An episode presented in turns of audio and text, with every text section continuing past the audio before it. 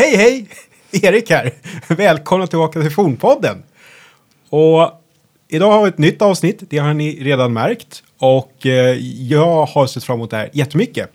Men inte bara jag som ska prata idag, utan jag har också med mig Emma. Emma! Och vi har också Tobbe här och jag höll på att säga att vi är hemma hos Tobbe, men bara nästan. Vi sitter i studion som hans band använder. Precis. Så vi känner oss jätteproffsiga nu. Och det är också ditt favoritavsnitt det här också va, Emma? Ja, det skulle man väl kunna säga att det inte riktigt är. Nej. Men eh, som jag hintade om, om ni har lyssnat på min påskföljetong, så är vi tillbaka där jag och Erik började på något vis, nämligen i vikingatiden. Och jag vet inte riktigt om vi har pratat om det förut, men vi har ju jobbat tillsammans på ett vikingamuseum. Ja. Eh, det var inte riktigt där vi träffades, eh, utan vi träffades ju faktiskt egentligen på universitetet. Men vi, vi blev väl vänner på jobbet. Och sen startade vi också Vikingapodden. Så vikingar har ju varit mycket av våran grej innan. Och vi har försökt att hålla ett litet avstånd till det, men Erik kunde inte vänta så länge. Så nu ska vi ja, snöa in oss på vikingatiden en stund. Härligt.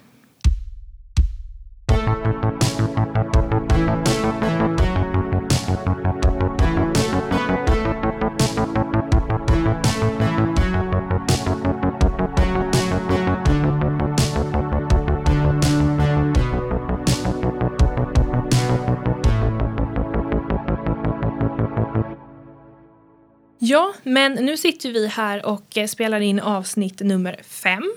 Och påsken har ju precis passerat, så det är ju det som... För Ja. oss i alla fall. Ja, för oss i alla fall. Jag vet inte riktigt när ni har lyssnat på det, men jag hoppas att ni lyssnade i alla fall på min påskföljetong under påsken. Men eh, vad har du haft för dig sen sist då, Erik? Ja, utöver att jag har lyssnat på påskföljetongen så jättetrevligt att lyssna på. Tack Emma. Snyggt, tack. Och snyggt klippt Tobbe. Men eh, ja, äh, men jag har ju lite olika projekt för mig. Och på sistone så har jag framförallt hållit på med en liten så här rökelsebrännare. För det tyckte jag var intressant och viktigt att ha. Så då köpte jag så här lufttorkande lera, gjorde en liten rökelsebrännare inspirerad av någonting som fanns på British Museum. Jag tror den var grekisk, men jag tror den var från Jemen egentligen till slut. Eh, och där har jag bränt eh, så här rökelse, och inte så här rökelsepinnar då, utan eh, sån rökelse som är gjord på kåda. Så det betyder att jag nu har, jag vet vad myrra är för någonting. Det där som Jesus fick när han föddes. Wow. Han fick ju myrra, rökelse och guld. Och myrra har varit ett museum genom hela min skolgång. Men nu vet jag hur det luktar. Luktar gott. Det är också en rökelse. eh, och lite annat. Vad är det? Frankincense som är viktigt i, jag tror, vissa katolska ritualer. Men jag har inga sådana ritualer för mig. Däremot så står mitt lilla rökelse, eh, rökelsebrännare nu vid mitt lala- lararium. Som är ett eh, alltså antika Greklands hemmaaltare. Där de då eh, har sina husgudar avbildade. Och det skulle vara så här, ja, men, det ska vara bra hemma. Och sen på varsin sida så har jag en liten Athena och så har jag Hestia. Och, ja, det är inte för att jag har någon kult för mig där, men det Det bara låter som det. ja, lite mys. Och så har jag mina växter runt omkring. Det var ju Så- väldigt... eh, Så, så sånt har jag haft för mig på sistone. Ja, det var väldigt spännande att höra för att vi skriver ju oftast lite stödord inför våra eh, poddavsnitt och jag läste stödorden från det ni precis fick höra här och jag har inte hört om det här tidigare. Så jag var väldigt eh, spänd på att höra vad det här skulle sluta, men eh, fint. Ja, Och, och nu när du säger så var jag tvungen att titta vad jag har skrivit i stödorden. Mm. Och eh, då påminns jag också om att det här la, larariet, det, det gjorde jag under Saturnalia för några år sedan. Det var så, där också. Ja, Mm. Eh, och Saturnalia är den här uh, högtiden som är i december då man ger presenter till varandra och mm, mycket god mat. Fast i Rom så det är, börjar i mitten av december och håller på eh, ett tag framöver. Eh, Men har fått sitt namn efter då Saturnus. Den här, det är väl eh, Jupiters pappa. Det tror jag. Ja. Rom, det, är så krångligt där när man lärt sig mycket grekiska gudanamn och så ska man komma på romerska. Ja, ja. ja så, så, och nu kommer jag på varför gjorde jag ett antikgrekiskt lararium i Saturnalia som är romerskt. Ja, ja, det, det får jag fixa nästa säsong. Ja. Men tack för att du förklarade det där i alla fall. Och det är också väldigt intressant det där med myrra. För jag tänker bara på när jag var liten och kollade på Life of Brian. Mm. Eh, och de är också väldigt förvirrade över det där med myrra i den. Att bara så, vad är det här? Ge mig något ordentligt. Ja, nej, men det är kådan från ett trä som växer där i krokarna. Var fick du den ifrån? Eh, internet. Eh, någon butik som hade något spejsat namn. Coolt. Ja. jag, jag kan ta med lite så att du får... Jättegärna. Ja, jag hoppas att det... Ja. Ja, min lägen... Jag tycker det luktar trevligt i min lägenhet i alla fall. Det gör det säkert. Ja, du har ju varit väldigt kreativ på sistone uppenbarligen. Jag har bara suttit och pluggat som en galning inför min nederländska tenta som jag ska ha nästa vecka. Så om ni lyssnar på det i tid så får ni jättegärna hålla tummarna för mig. Och, och hur skulle man säga fornpodden på nederländska? Nej men nej. Ingen aning. Okej. Vad ska tentan handla om då? Eh, ja, egentligen. Jag har läst en bok Mm. som, jag ska, som jag har sammanfattat som jag ska då läsa upp. Och sen så ehm, är det en så här vanlig grammatisk, alltså skriva grammatik och översätta texter och sånt där. Vilket jag inte har gjort på jättemånga år. Oh, Så det känns lite läskigt. ja. Lycka till Emma. Tack så mycket. Och så har du ju gjort podden också, det är kreativt. Ja, men ja, precis. Alltid något. Ja. Och broderar, du kommer vidare med Tintin. Jag är snart klar. Nice. Håll i hatten. Oh. Då blir det tredje och sista Tintin-omslaget. Får vi se hur fort det går. Det är spännande att följa. Mm, eller hur? Och mysigt att följa. Vad har Tobbe haft för sig? Eh, jag har åkt skidor. Vad Behöver jag eh, repetera vad du säger eller hörs det? Jag vet inte. Ja, testa. Ja, Ha, repetera. Tobbe har åkt skidor. Ja, Så han har sportat. Det har inte vi gjort. nej. Hurtig. Hurtig hälsan. Det är väl det stora som har hänt. Du hade konsert också. Ja. herregud. Spelning. Just det. Ja. Inte att förglömma. Nej. Jag, jag har inte dansat så sedan högstadiet. Det gläder mig. Jag var där. Det var väldigt fint faktiskt. Tack. Och, ja, det var en häftig upplevelse. Roligt. Mm. Nu är vi uppdaterade. Yes. Ska vi köra? Ja. Mot ämnet. Vad är det för ämne? Egil Skallagrimsson! Ja! Dundervikingen från Island. Nu, nu blir det åka av, jag att säga. Nu, nu blir det action. Nu blir det... Eh, alltså jag skulle vilja på det här som det ultimata äventyrshistorien, men det är verkligen inte det, utan det, det är inte... Det är inte en eh, brinnande romans, utan det är mer så här praktiskt. Men det är mycket strid, det är blod, det är hemskheter. Exakt det där som man kanske förväntar sig av vikingatiden. Och så säger förståsigpåare som jag, nej, vikingatiden var egentligen inte så. Men idag ska vi prata om det som faktiskt är exakt så. Mm. Det här, alltså, Egil Skallagrimsson, han, han är, hade filmserien The Expendable, Expendables gjort på vikingatiden, då hade han varit med där. Alltså han är Dolph Lundgren och Sylvester Stallone och hela gänget. Spännande. Ja, Är ni redo? jag är det. Är Bra. du? Jag tror det. Ja, jingel på det. Jag, tänk, alltså, jag hade ju tänkt att jag skulle vänta lite med att, nu, nu tänker jag att jag har börjat, men jag hade tänkt vänta med att komma till själva Egil.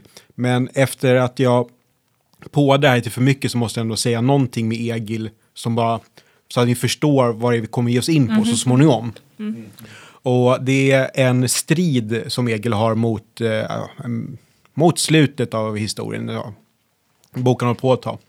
Men han ska slåss mot en... Är det en värmlänning? Nej, det är, det är en islänning han ska slåss mot. Hur som helst, han slåss med någon och upptäcker någonstans i striden, jaha, eh, svärd biter inte på den där snubben. Han är liksom, går inte att skada. Och det är förstås ett problem när man slåss till döden med någon. Så Egil, han drar förstås slutsatsen att okej, han gör det här med magi. Det är en trollkarl jag har att göra med. Och eh, Egil, som är bra på att slåss, han vet att det såklart finns ett sätt att gå runt om någon använder magi för att inte kunna såras av svärd. Så han slänger ifrån sig sitt svärd, han kastar ifrån sig sin sköld, flyger på den andra och biter av halsen på honom. Nice. Men, men med det, det lilla introt för Egil så tänkte jag ändå återgå till att det kommer ta ett tag i avsnittet nu innan vi kommer till själva Egil. För Egil Skallagrimsson kan vi läsa om i en isländsk saga som heter Egil Skallagrimssons saga. Man behöver inte krångla till det. Däremot så kan man krångla till det om man vill säga det på isländska. Så på modern isländska så är det Egil Saga Skallagrimssonar. Men på eh, 1200-talets Island då det här skrevs ner, då hade man kanske mer sagt Egils Saga Skallagrimssonar. Så då har man inte det här tl-ljudet som modern isländska har. Eh, ni kanske minns den här vulkanen som ställde till det för ett gäng år sedan. Eh, minns, eh, vågar någon av er två här gissa hur man säger det namnet? Jag tänkte precis säga jag kommer inte våga i- på det där. Nej. För det var så krångligt där när man såg på nyheterna. För då stod det vulkanutbrott på Island och så stod namnet på den vulkanen. Och så läser man det. Eyjafjallajökull. Och sen så är det någon jobbig islänning på tv som säger någonting helt annat. För den säger Eyjafjallajökull. Och det är att dubbel-L får ett T-ljud innan i modern isländska. Men det borde inte ha hunnit bli så när Egil levde. Så därför Egil Skallagrimsson istället för Egil Skatlagrimsson. Hm. Alltså ni märker hur spännande det här är redan nu. Men det här är då en isländsk saga. Och eh, det, när vi hör ordet saga idag så kanske man mer tänker på Guldlock eller Rödluvan. Men ordet saga kommer från att säga. Det är en berättelse. Och eh, när man pratar om isländska sagor så är det framförallt de isländska släktsagorna. Som handlar om olika familjer och släkter på Island och de sträcker sig ofta över flera generationer. Sen andra typer av isländska texter är eh, fornaldersagorna eller forntidssagorna som är lite mer så här, myt, mytiska hjälteepos. Det kan vara Hervor och Hedreks saga. Det kan vara om Völsungarna eller andra drakdödare. Sen så finns det biskopssagor som jag aldrig har läst en enda. Det finns riddarsagor som är charmiga isländska tolkningar av typ riddarna som annars återfinns vid runda bordet. Så det är roligt. Eh, och så finns det, bland riddarsagorna finns också Xander saga som är hur islänningar hade hört om Alexander den store. Och det är inte helt korrekt mot den historia man kanske annars kan läsa om, om Alexander. Eh, och sen bara ett litet slag för att eh, Eddorna, den äldre Eddan och den yngre Eddan är alltså inte isländska sagor. De är texter nedskrivna på Island. Så det, det är en hel skog att hålla reda på det här. Men bland de isländska sagorna i alla fall så är Egil Skallagrimsson en av de mer kända. Eh, sen så är den kanske allra mest kända är Njals saga eller Brennu Njals saga. Eh, och eh, den är, alltså om man vill läsa en isländsk saga som är trevlig att läsa idag när man ändå är van vid modern litteratur. Då är Njalsaga den som jag tycker är trevligast att läsa. Plus att den handlar typ en tredjedel av boken som handlar om Njal. Eh, en ganska stor del av boken handlar om Gunnar. Och Gunnar från Klidarendi är en sån hjälte. Alltså han är, han är så cool. Han är så stark så han kan hoppa sin egen höjd även fast han har full rustning på sig. Alltså ni förstår vilket karl. Eh, så det var tydligen en grej så här på tror jag, 40-talet, 50-talet på Island. Att när unga kvinnor skrev brev till varandra och pratade om killar de var kära i. Då jämförde de de här killarna med Gunnar. Att han är liksom den. Den ultimata ja. mannen. Sen som med dagens mått att Gunnar, han behandlar sin fru ganska dåligt. Så det ska jag inte säga, han är inte perfekt på något sätt. Men den här frun som han faktiskt slår, hon säger då att det här kommer du att ångra. Och sen senare så är de fast i ett eh, hus, de är omringade av folk som vill döda dem. Och eh, Gunnar han håller på att skjuta massa pilbåge mot de här attackerarna. Och så går bågsträngen av. Och bara, åh nej, nu kan inte de försvara sig. Så säger han till sin fru, du som har långt hår, kan jag få några hårstrån av dig och göra en ny bågsträng? Och då säger hon, nej, kommer ihåg att du slog mig. Så hon upprätthåller sin ära där och det leder till att hela familjen dör. Men hon, Hon stod på sig. ja men precis, så det är ändå hårt. Eh, Gunnar, ja, för och nackdelar med Gunnar. Men eh, de här isländska sagorna, de, sträcker sig oftast från att folk då börjar flytta till Island från Norge. Och varför folk börjar göra det, det beskrivs också lite i till exempel Egils saga då. För i sagorna då på vad blir det, 900-talet, då är det Harald Hårfagre som är kung i Norge och han håller på att ena Norge under sig och eh, han vill ju, Norge var ju en massa olika småkungariken och sen så vill Harald vara kung över allihopa. För han träffade en tjej som bara vill gifta sig med honom om han är kung över hela Norge. så det finns andra anledningar också, men jag driver på honom lite. Men eh, när han lägger Norge under sig så är det en massa isländska storbönder som bara stör sig på det. Så istället för att lyda under honom så flyttar de till Island som då är ganska nyupptäckt. Och det blir verkligen vilda västern där. Eh, jag har lyssnat en del på eh, så spaghetti western-musik på sistone. Och jag, jag fattar inte varför det inte finns fler vikingafilmer som är där. Och man kan verkligen ta vilda västern-konceptet rakt av. Till och med mungigarna finns med. Men som sagt, de isländska sagorna, de är inte jättebra på att faktiskt handla om huvudpersonen. Till exempel Njals saga handlar mycket om Gunnar, men Egils saga tar ungefär en tredjedel innan Egil ens föds. Så den börjar med hans farfar som hette Ulv. Men det fanns ett rykte om att Ulv faktiskt kunde bli varg på, vid fullmåne eller på natten. Alltså varulv. Så han var mer känd som Kvällulv. Och han var också bärsärk, den här typen av raseridriven krigare som fin, återfinns i de isländska sagorna. Eh, och sen fick då Kvällulv, han fick sonen Grim. Men Grim, han tappade håret ganska tidigt. Och eh, då började folk kalla honom för Skallagrim. Eh, lite halv... Alltså jag hoppas han ägde det. Men det blir alltså hans namn sen. Han vet ni känd som det. Och så får Skallagrim så småningom flera barn, men bland annat då Egil Skallagrimsson. Eh, Men eh, Egil har också en storebror, Torulv, som är mycket trevligare än vad Egil är. Eh, Men tyvärr handlar inte berättelsen om honom. Här kan det bli en lite tråkigare berättelse. Men eh, både Kvällulv och eh, Skallagrim, de är ju då framstående slagskämpar och storbönder på Island. Och jag kan inte deras historia asbra, men bara på det här eh, actionfilmsspåret så är det någon sekvens de är ute som vikingar, far och son, bra bonding-grej kanske, jag vet inte. Och så har de ett sjöslag i alla fall. Så det är två skepp som är vid varandra, om jag minns rätt. Och så börjar de fäktas och slåss. Men då går Kväll, Ulv och Skallagrim in i bärsärkarraseri.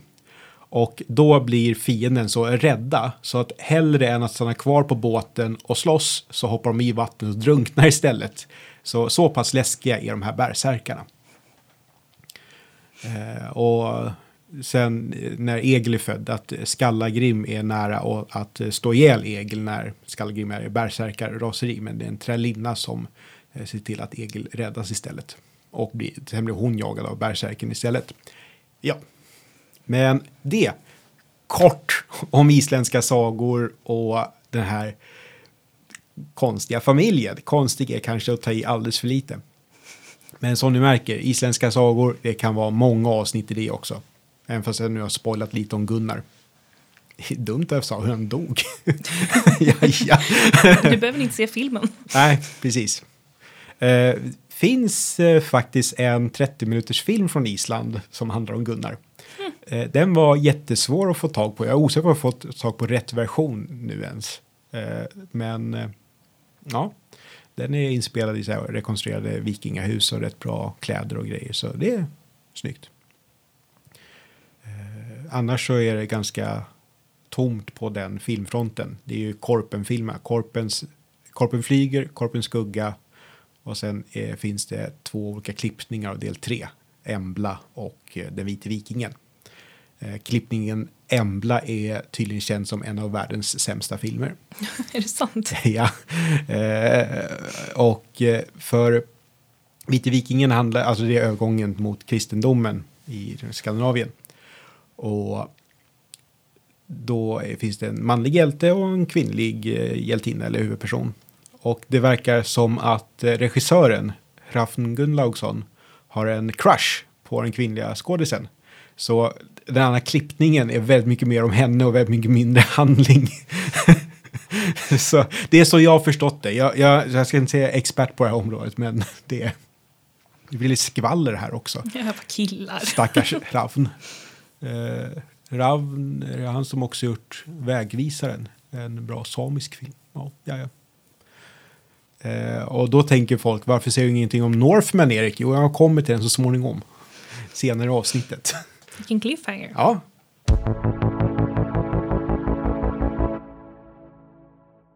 Vad, vad känner du om isländska sagor så här långt, Emma? Jag är alltid så rädd att folk kommer tycka så illa om mig. Men jag har ju varit ganska tydlig tidigare med att jag tycker att mycket är lite tråkigt. Mm. Eh, Så vad är sämst med isländska sagor? Oj. Oj, jag vet inte. Jag, jag tror bara att det är så... Eller så är det hur det har blivit, men att det är lite töntigt. Förlåt. Men alltså, det finns ju highlights som såklart är kul. Mm. Typ Gunnar. Ja, det, det var ju kul liksom. Och det finns ju sånt som är roligt. Jag tror bara inte att jag... Det är lite för mycket för att jag ska orka liksom ta in det. Ja, jag förstår. Stenålder är också kul. Ja. Det är jätteroligt. Du vet att jag tycker. mm. Men är det mer Egil nu då? Jag är så redo. Eh, och eh, ja, jag kör ju på Svenne-uttalet från och med uttalsomgången. Så jag kommer inte säga Egil Skallagrim, så jag säger Egil. Mm, Det låter jättebra tror jag. Men eh, då så, Egil han föds på Island så han är i princip första generationen infödd islänning. För det är då hans eh, föräldrageneration som är de som börjar flytta till Island enligt de isländska sagorna. Eh, där finns det en isländsk text också. Okej, nu blev det mer sånt ändå. Men eh, Lannams bok, eh, land, eh, vad säger man? Inflyttar, landinflyttarboken. Eller landtagarboken, där har vi det. Eh, som handlar om hur Island börjar befolkas. Och eh, har ganska tydliga, vilka är med, var bor de, när händer de här grejerna. Jättebra källa. Men sen så har man med arkeologin upptäckt att oj, folk bodde på Island innan det här. För Island, det, det fanns ju inte människor där eh, i princip innan vikingatiden. Att det är då det här upptäcks i tre olika omgångar. Typ. Eh, sen så kan det ha funnits irländska munkar där, men det är inte as... Det är inte super etablerat tror jag. Däremot på Färöarna så fanns det munkar innan nordborna kom dit. Och i de färöiska texterna kallas de för papar som betyder småpåvar.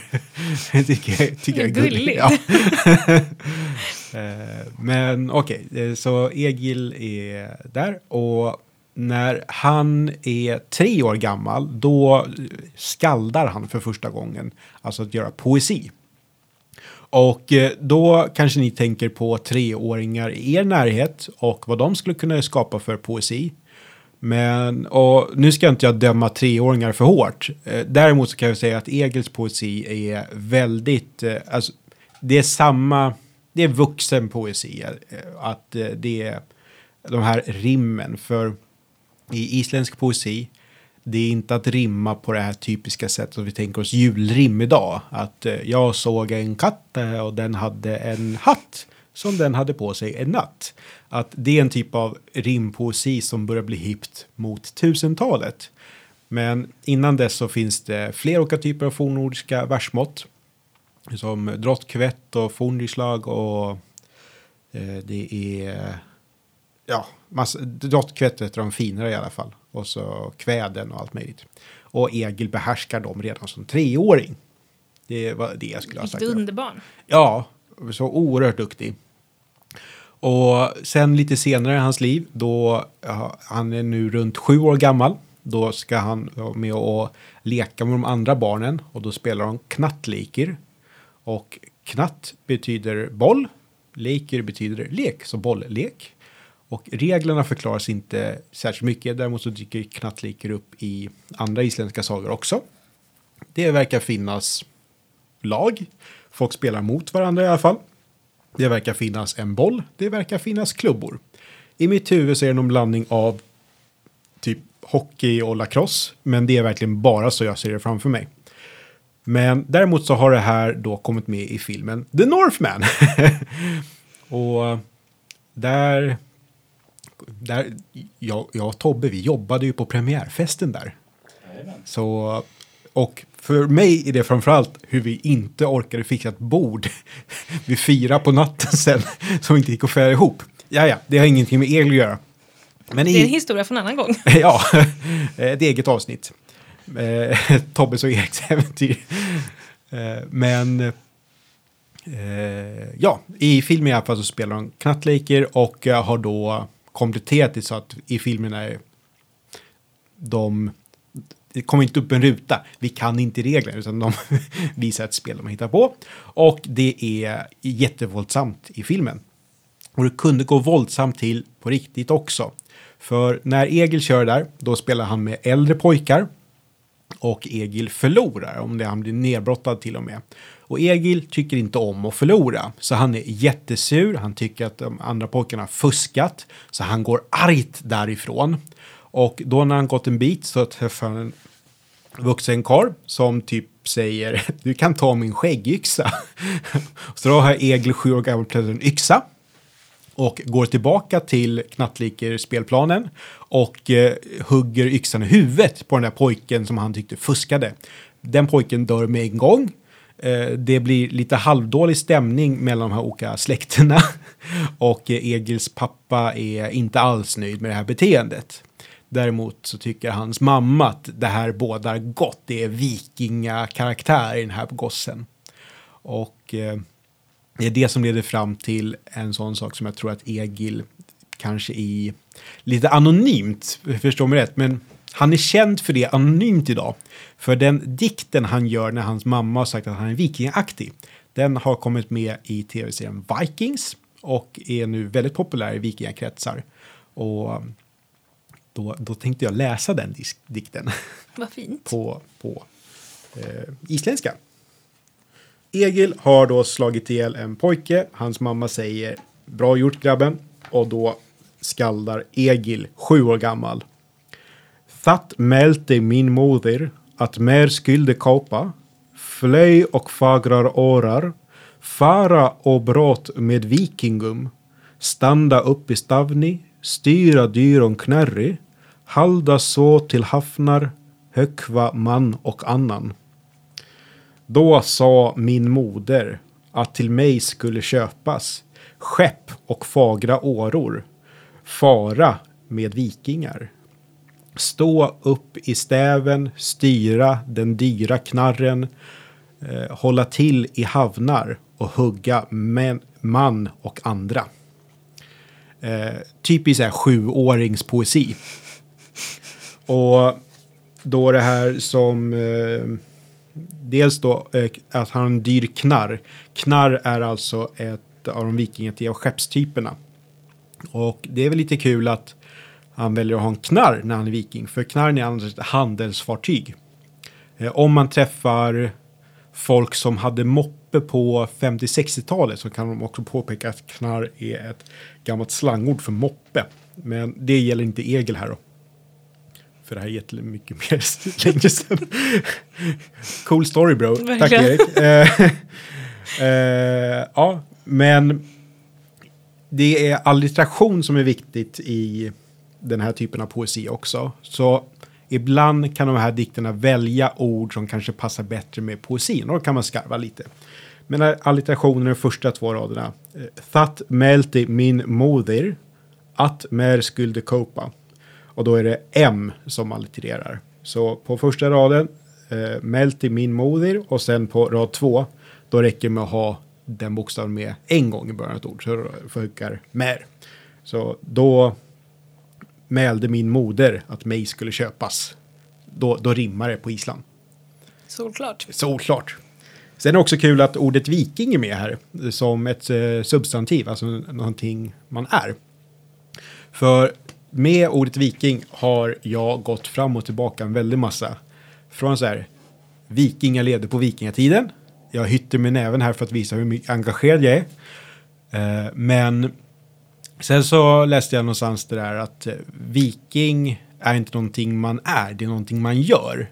För att gå i viking eller dra i viking när man åkte iväg och gjorde vikingasaker. Men redan på den här tiden som Egil skaldar så har ändå ordet kunnat få betydelsen att viking är någonting man är också. Sen att det kanske börjar med någonting man gör. Det, det kan jag vara med på. Och eh, jag tror att folk har bråkat om ordet viking i 200 år. Kommer antagligen göra det i 200 år till, minst. Det finns massa olika tolkningar om vad det ska betyda. Hur som helst. Här börjar Egils bana som viking. Och det är inte långt efter han drar iväg på plundringståg för första gången. Alltså han är knappt tio år tror jag när han åker iväg på det här. Och liksom, ja men det är verkligen döda och hugga och så här. Och jag tror han är i nedre tonåren när de har varit och eh, plundrat. Sen så hittar de en bondgård där det är fest. Så kan de smyga in och stjäla massa saker ur en lada eller vad det är. Och så går hon därifrån och massa bra grejer. Men sen på vägen mot skeppet då Egon så här, nej, det känns inte rätt det här. För vi är ju vikingar. Vi är inte tjuvar. Alltså, att vara viking det är ärofyllt och folk ska veta vem man är. Så Egil och hans mannar de går tillbaka till huset, blockerar alla dörrar och sen tänder de eld på huset och skriker att jag, Egil, gjorde det här. Så om man nu ska ta någon saker, då ska man göra det våldsamt i alla fall. Inte som så här hemlig tjuv. Så ovärdigt. ja, oh, hur tänkte de? Och eh, ja, det, det, det, var en annan tid, eller jag på att säga. Men Egil är aggressiv även för sin tid. Mm. och han, han, får ett dåligt rykte. Han är ovän med jättemånga människor. Och han är ovän med typ alla kungar som finns samtidigt som honom. Så han har viktiga fiender. Jag tycker också att folk inte ifrågasätter den här mannen som gav en sjuåring en yxa och bara här, varsågod, gå och gör det där. Ja, och, och där då, hur, jag kanske fastnar för fel saker. Men jag tyckte det var jättekul att i texten står att det är en skäggyxa. För jag funderar på när dyker ordet skäggyxa upp? Och skäggyxa är då en yxa eh, som... Eh, det, det, ser ut som att den... Vad ska jag säga, det är större ägg än vad... Tänk att en helt vanlig yxa har ett getskägg som hänger längst fram. Så det sticker ner mer med äggen. Och det är förstås materialeffektivt. Eh, att man inte behöver använda lika mycket järn eller stål till resten. Eh, men sen också att den kan fylla funktion av lite som en krok. Man kan haka tag i en annan persons sköld, rycka till och sen kan man komma in och attackera ännu mer. Eh, sen så såg jag någon på internet som påpekade att i Japan så har de använt liknande yxor och då används de för att typ splinta ved. För då kan man hålla handen mycket högre upp och då få bättre sikte när man ska göra små bitar av trä. Och det tyckte jag var trevligt med en lite fredlig variant också. Verkligen. Men ni kanske minns när jag pratade om vad jag snöade in på senast, en yxa. Och det är just en skäggyxa. Och då prövade jag det här med att hugga ved på det sättet. Trät måste också ta vägen någonstans upptäckte jag då och hamnar rakt på knogarna. Så jag hann blöda ganska mycket på här få hugg. För trä överallt.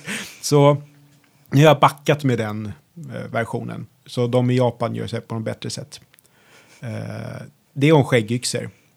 Eh, ja. Förlåt att du fick det sidospåret. Himla tråkigt.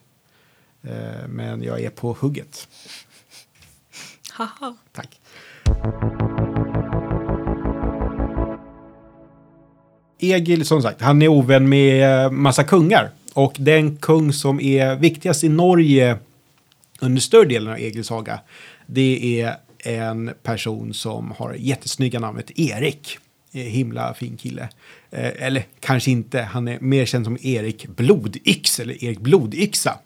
Eh, man vet inte varför han fick det namnet, men jag gissar att det inte var för att han tyckte om att vara mysig. Eh, utan antagligen ganska våldsam han också. Eh, men jag tror att också i och med att eh, Egils familj är ovänner med kungen som då är Harald Hårfagre och eh, Erik Blodix är Harald Hårfagres son. Så det här grälet bara fortsätter över generationer. Passar också jättebra med isländska sagor för övrigt. Men eh, när Egil är ganska ung, jag tror han är runt 12, då ska han på en fest i alla fall.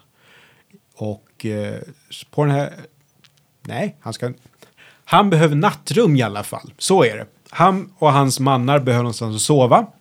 Och de kommer till en bonde och så får de sova i bondens lada.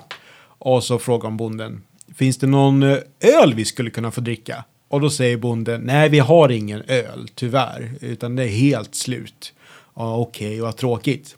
Men sen hör de att det är fest. Och så går de dit och säger, det finns ju jättemycket öl. Så bonden ljög för oss.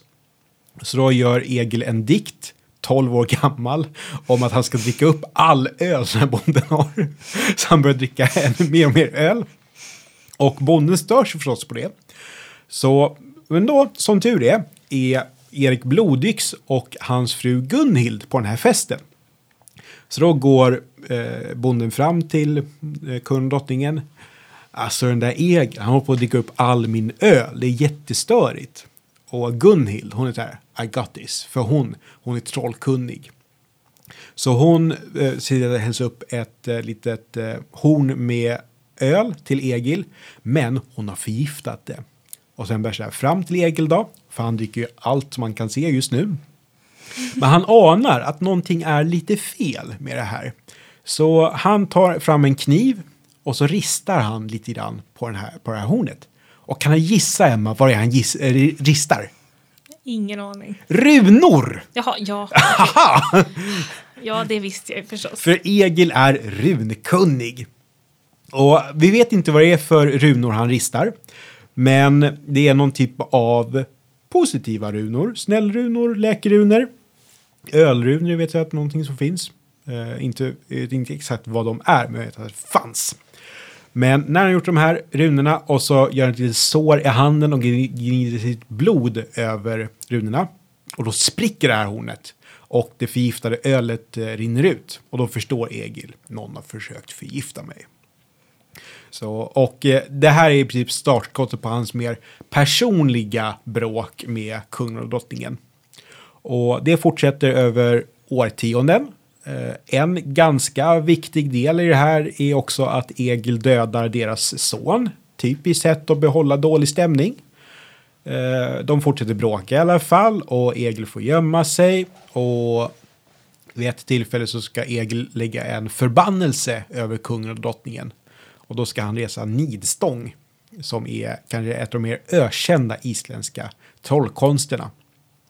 Så då står han på klipporna och så har han en träpinne. Det står i sagan exakt vilket träslag det är. Jag minns det inte. Eh, och så har han ett hästhuvud. Det är en sån typisk sak man har liggandes. Och sen så utropar då Egil en förbannelse om att han reser nid mot kungen och drottningen. Och de landvättar som finns runt om kommer att känna sig vilsna och aldrig kunna hjälpa till förrän kungen och drottningen har drivits i exil. Och han ristar in det här med runor på pinnen också. Och så sätter han hästhuvudet på pinnen och ristar, riktar hästhuvudet ungefär mot där kungen och drottningen är. Och landvättar är en typ av landandar som är de positiva naturkrafterna, det är de som gör att saker funkar. Och det betyder att om man skrämmer bort landvättarna då kommer det gå dåligt i landet. Och det finns i ett litet så här, ett fragment av en isländsk lagtext som finns i den grönlänningasagan eller någonting. Men då står det att när man reser hem med vikingaskepp då måste man plocka ner drakhuvudet i fören för man ska inte skrämma sina egna landvättar. Så det är lite samma tanke som med drakhuren på de här skeppen. Eh, så ja, vad händer sen med dem? Ja, de fortsätter bråka mycket i alla fall. Men till slut så är Egil i en situation då han inte riktigt kan, han hamnar på fel ställe. Han råkar hamna exakt där kungen och drottningen är de i England, för de har nu fördrivits från Norge. Så han lyckas med sin magi. Och eh, han förstår att nej men jag kan inte gömma mig, jag måste konfrontera de här, även fast jag har dödat deras barn. Så han går till eh, platsen där de är och säger här är jag, han har sin kompis med sig som tur är som är bättre på att snacka vad han är. Och hans kompis försöker förklara för kungen att alltså Egil, han, han har ju gjort jättedumma saker, men han har ändå kommit hit personligen för att visa respekt för dig. Och den här kungen och drottningen vill bara avrätta honom med en gång. Men eh, Egil, han slänger ur sig en eh, dikt och den dikten är ändå så pass bra så att de skjuter på den här avrättningen så han får sova en natt i alla fall. Och då säger Egils kompis om han lyckas göra en dråpa, ett av de här finaste eh, skaldedikterna till dig kung, som pratar om hur bra kung du är. Kan du tänka dig då kanske att eh, inte döda Egil? Och kungen tycker ja, vi får se. Men Egil, han sitter uppe hela natten i alla fall och försöker göra den här fantastiska skaldedikten. Och hans kompis kommer och hälsar på och säger, ja, hur går det? Ja, det går bra, men det är en jobbig fågel som håller på och knackar på min ruta hela tiden. Och då kommer kompisen på, ja, det är den där Gunhild, hon är ju trollkunnig. Så hon har förvandlat sig till en jobbig fågel och knackar på din ruta just nu. Så hon skrämmer bort fågeln och hans kompis sitter sen på hustaket hela natten för att hålla andra fåglar borta. Det, det är riktigt här, the bro code. Sen kommer dagen i alla fall och Egil ställs, ställer sig inför kungen och eh, då eh, framsjunger han en dikt om kungen och hur snäll kungen är som är så bra så att kungen förstår att nej, jag kan nog inte döda honom, men du får se till att du tar ut ur kungariket för jag ska inte döda dig nu, men mina söner, de som Egil inte har dödat, de kan attackera dig och om jag ser dig igen så kommer jag att försöka döda dig. Och då framsjunger Egil en till dikt som, vad den heter, Huvudlösen. Eh, så han tackar för att han inte blivit dödad. Och i den dikten så säger han också att han tackar för att ha fått den fulaste gåva han någonsin har fått. Och vad betyder då det? Jo, kungen högg inte av huvudet på Egil och Egil var känd för att vara väldigt ful. Så att han fått den fulaste gåvan någonsin är att behålla sitt eget huvud. Uh, så ja, det är rörigt det där. Sen eh, äventyren fortsätter. Jag tror att Norge till slut får en annan kung som Egil försöker bli kompis med. Och den kungen förklarar, om det är Håkon den gode, att han har problem med Värmland, alltså Värmland i dagens Sverige. Men det var en del av Norge på den tiden. Och de här värmlänningarna vill inte betala skatt till kungen. Så då behöver Egil några till ta sig dit och kräva in den här skatten. Så skatteindrivare, det är så här maffia-taktik eh, här. Så Egil har med sig tre egna män, kungen skickar några till. Men sen när de kommer in i Värmland så bara lämnar kungens män Egil och hans kompisar ensamma. Det blir snöstorm, det är jättejobbigt. De är hos olika bönder. Men sen en bondefamilj de är hos. Eh, där får de komma in och värma sig. Och Egil upptäcker att det ligger en sjuk eh, ung kvinna på en säng. Och frågar, vad är det för fel på henne då? Och då så säger bonden, ja det är min dotter, men det var en eh, pojke här som var kär i henne och han, hon var inte kär i honom. Så han försökte rista runor för att göra henne kär. Och sen blev hon sjuk, det är jättekonstigt för det är bra runor. Och Egil säger, jaha, det får vi se. Så han ber om att få se vad det är för runor. Och då i den här unga kvinnans säng så ligger det ett valben. Där är runor och Egil bara tittar på det här. Inte bra. Så han tar en kniv och skaver bort runorna som inte syns på valbenet längre. Han kastar in spånen i elden och sen eldar han upp själva valbenet. Och sen så ristar han nya runor på en träbit som läggs under flickan och hon mår bättre med en gång. Och då säger han gör en dikt, skalde, skaldar igen, om att man inte ska göra runor, om man inte kan göra dem rätt. Det är många som har gjort eh, fel runor och fått dåliga resultat. Och det tycker jag är lite kul för det är väldigt likt en eh, liten passage i Havamal, eller den höges sång i den äldre Eddan, där Oden kommer med sin kunskap. Och där säger Oden att det är bättre att inte rista runor än att göra dem fel. För det kan bli dåligt. Och Egil, han är då fin, finättad från Island och då hör det till att man ska dyrka Oden. Det är hans favoritgud, så vi kan mycket väl tänka oss att Egil hade bra koll på Havamal. Eh, ja, och apropå Odendyrkan då. Vi tar oss framåt i tid, för Egil han lyckas driva in skatten från värmlänningarna i alla fall. Eh, sen eh, Egil, han är vuxen nu, han har egen familj, han har flera söner. Men en av hans söner då, drunknar ute på havet. Och det här är Egils favoritson. För i det här samhället, det är helt okej okay att favorisera barn. Och eftersom hans favoritson dör så är Egil jätteledsen och han vill inte leva längre så han tänker svälta ihjäl sig. Och eh, han är på sitt rum och äter ingenting, han dricker ingenting och sen kommer hans dotter in och säger jag är också ledsen, kan jag också svälta ihjäl mig tillsammans med dig? Och Egil bara ja, kom in du. Och sen när hon sitter där inne så börjar hon äta på någonting och Egil undrar men varför äter du på någonting om vi ska svälta ihjäl oss? Nej, men det är sjögräs. Man dör jättemycket snabbare om man äter det. Och jag säger, ja men ge det till mig också. Och så äter han. Men han blir väldigt törstig av det här. Men då har dottern någonting att dricka.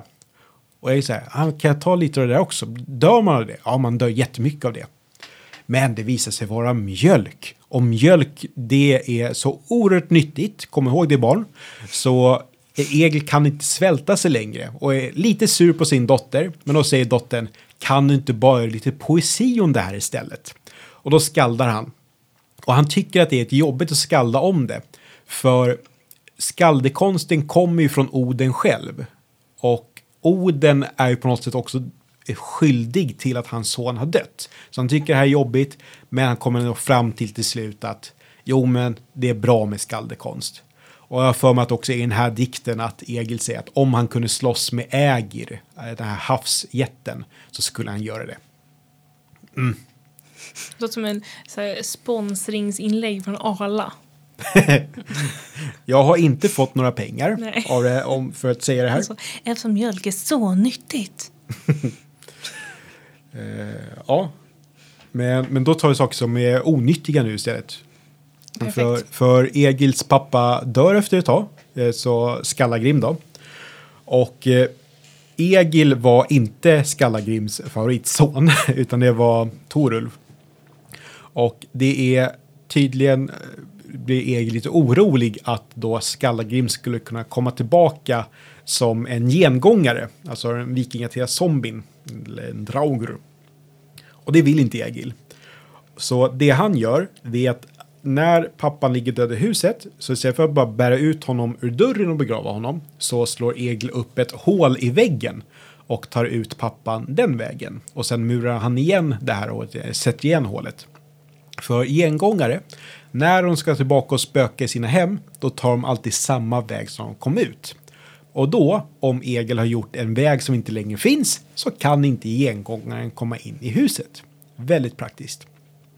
Och det här är en sån sak som jag hörde för flera år sedan när vi jobbade med vikingatiden och jag hittade aldrig källan för det. Så jag är supernöjd att jag äntligen vet var det här kommer ifrån. Ja, vi tar oss vidare. Egil, eh, han är ju då egen storbonde till slut. Han äger massa mark.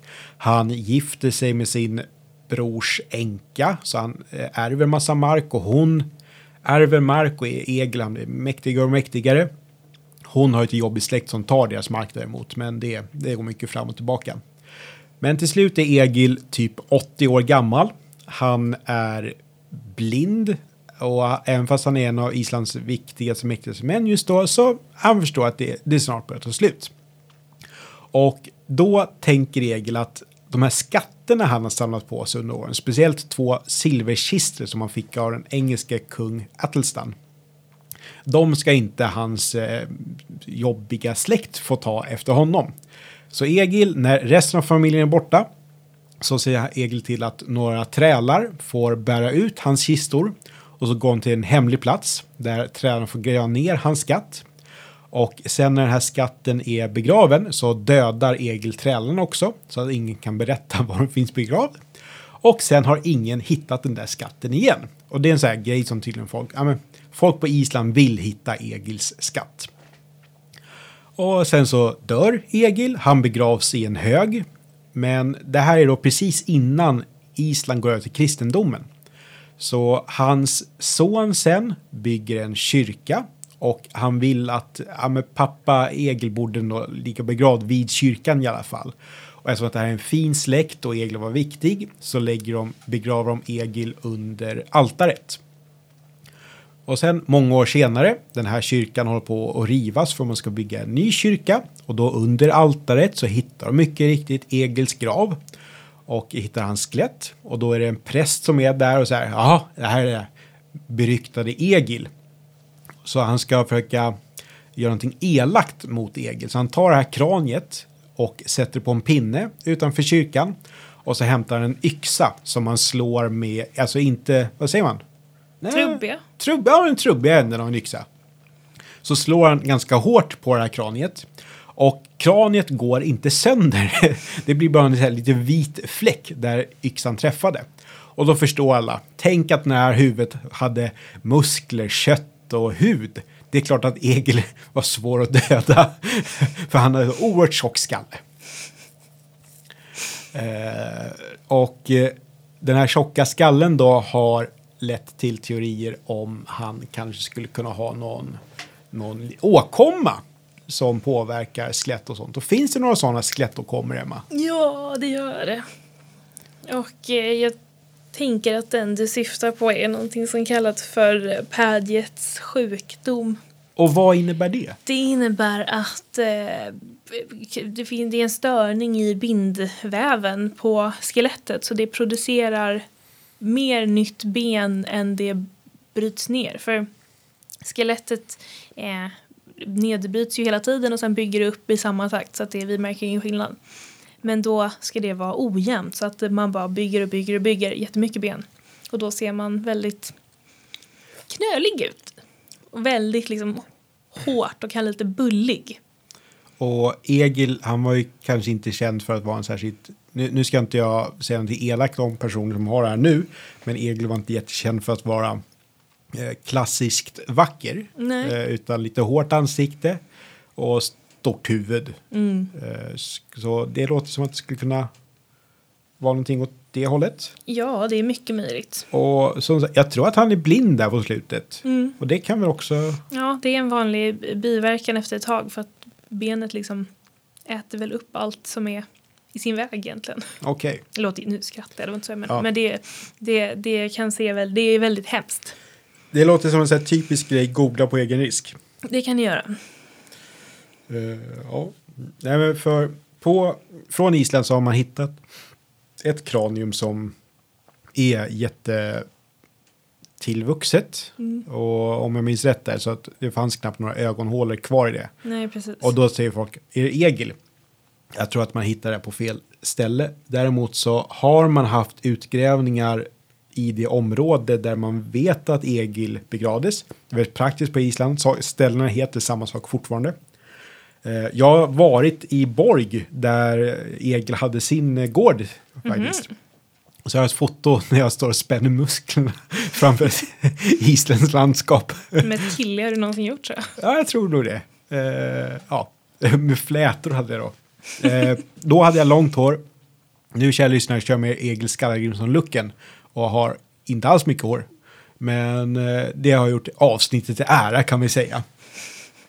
Men eh, då, där man vet att Egil begravdes, så har man arkeologer hittat en eh, kyrka från eh, den här övergångstiden, runt år 1000 blir det väl. Och under det som har varit altaret så hittade man faktiskt resterna av en tom grav. Och Egil plockades ju faktiskt upp ur sin grav och begravdes sen på en annan plats. Och då är det förstås jättespännande. Skulle det här faktiskt kunna vara den historiska Egils gravplats? Och det finns ju inget sätt i nuläget som man skulle kunna veta det exakt. Däremot så som arkeologerna påpekar i eh, det de har skrivit om det. Att i perioder så har de isländska sagorna avfärdats som rent hittepå.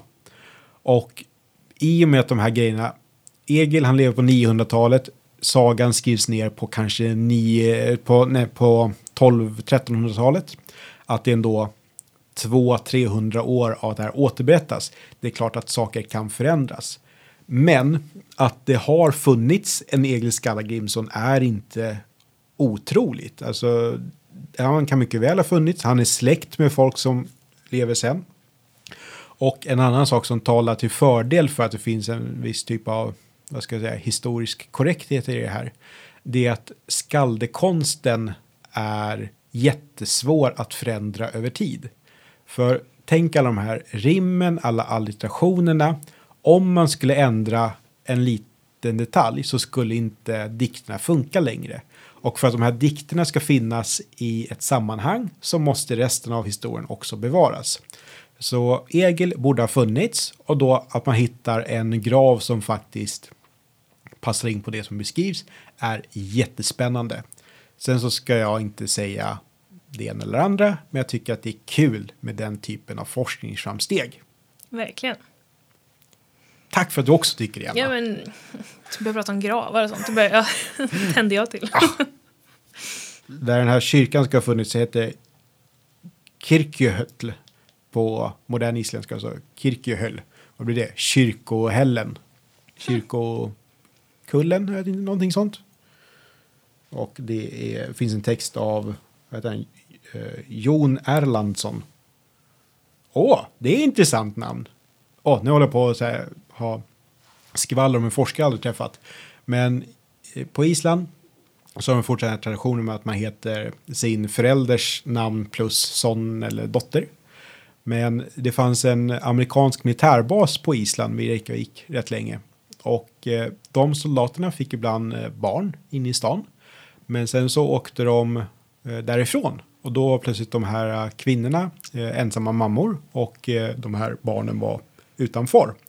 Och Erlandsson, det är ett sånt namn som de här barnen kunde få som efternamn. För visst, Erland är ett namn, men jag tror också att det betyder utlänning på ett sätt. Eh, så det finns två sådana namn som de här eh, soldatbarnen kunde få. Erlandsson och, och vad heter det andra? Ja. Sen så, Spännande skvaller. ja, sen så kanske han, den här forskaren, helt enkelt hade en pappa som heter Erland. Jag ska inte dra för stora vecklar på det, men jag kommer bara att tänka på det. Spännande. Eh, finns massa amerikanskt klotter på klipporna där den här basen var förut. Eh, och eh, alltså det är ju hela historien med det också. Men de där eh, via den basen så kunde också komma in lite så här eh, amerikanskt godis och amerikansk mat. Så det var islänningars första kontakt med vissa typer av produkter. Och eh, där vår gamla kollega Askur, är släkt från Island, han berättade att när det är typ jul, då hör det till att man ska äta eh, gröna ärtor. Helst från konservburk. Och nu kan man få tag på mycket godare ärtor på Island. Men hör till att man ska äta lite dåliga konservburksärtor. Just För det var det. man kunde få från den här militärbasen. Och traditionen växte fram. Nu är vi jättelångt ifrån Egil. Mm. Eh, ja. Island alltså. Vilket Mm. ställe. Men du fick upp det.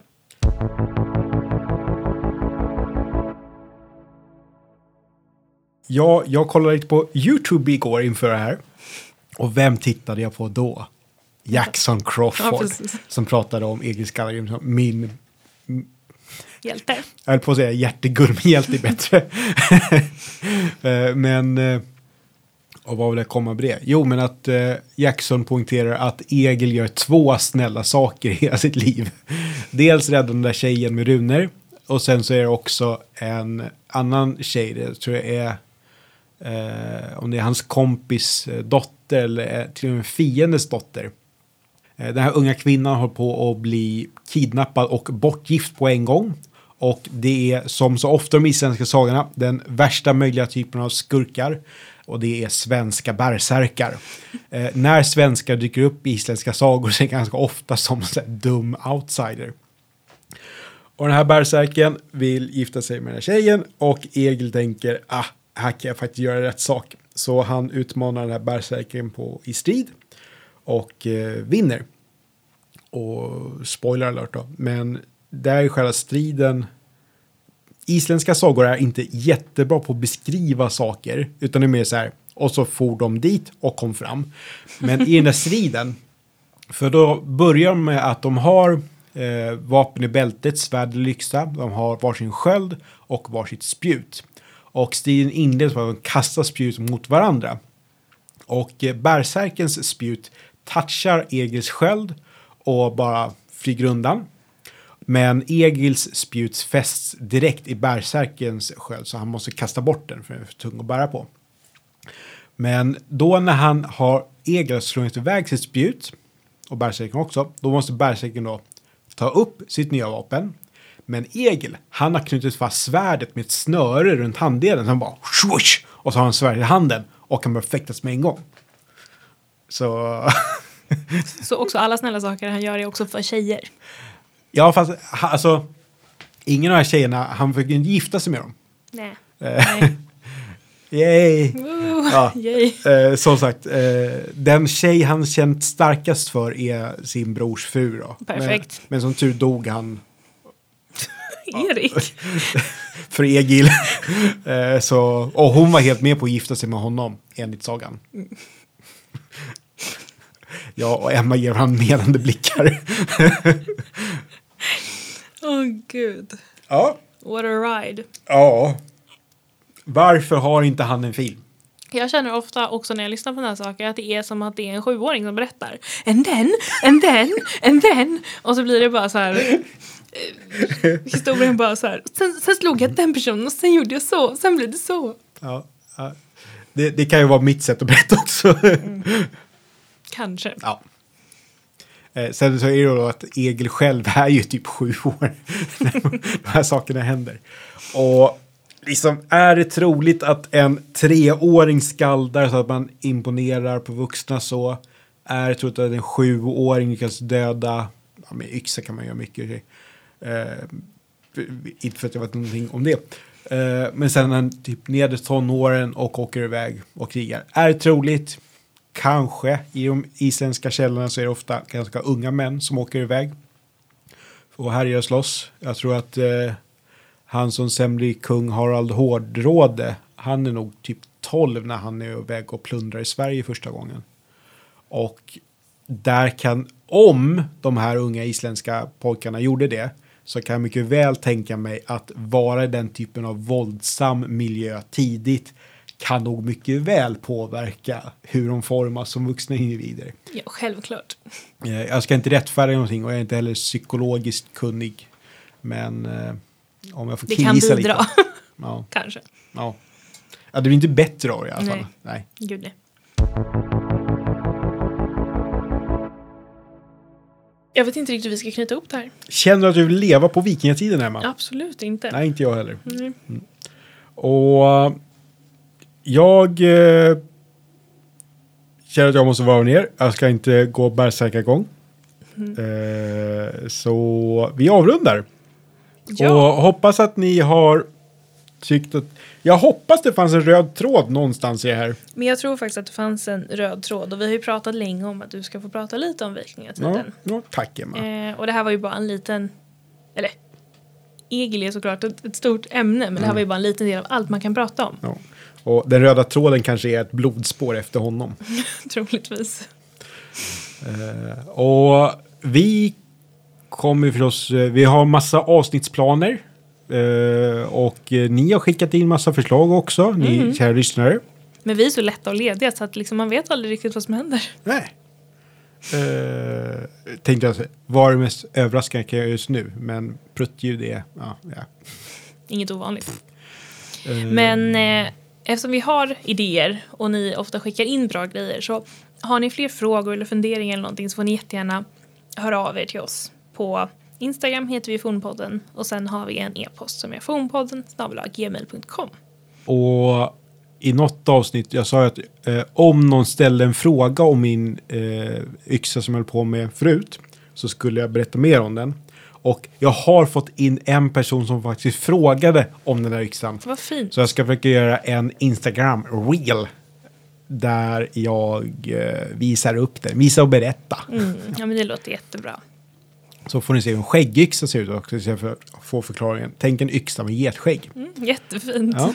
Men kul att ni lyssnat så här långt, bra jobbat. Ja, Och- och är det så att ni tycker att vår podd är bra så får ni såklart jättegärna lämna en recension eller ratea oss lite stjärnor. Jag vet att man kan göra det på både Spotify och på appen i eh, iPhone, men jag vet inte hur det ser ut för resten. Okej.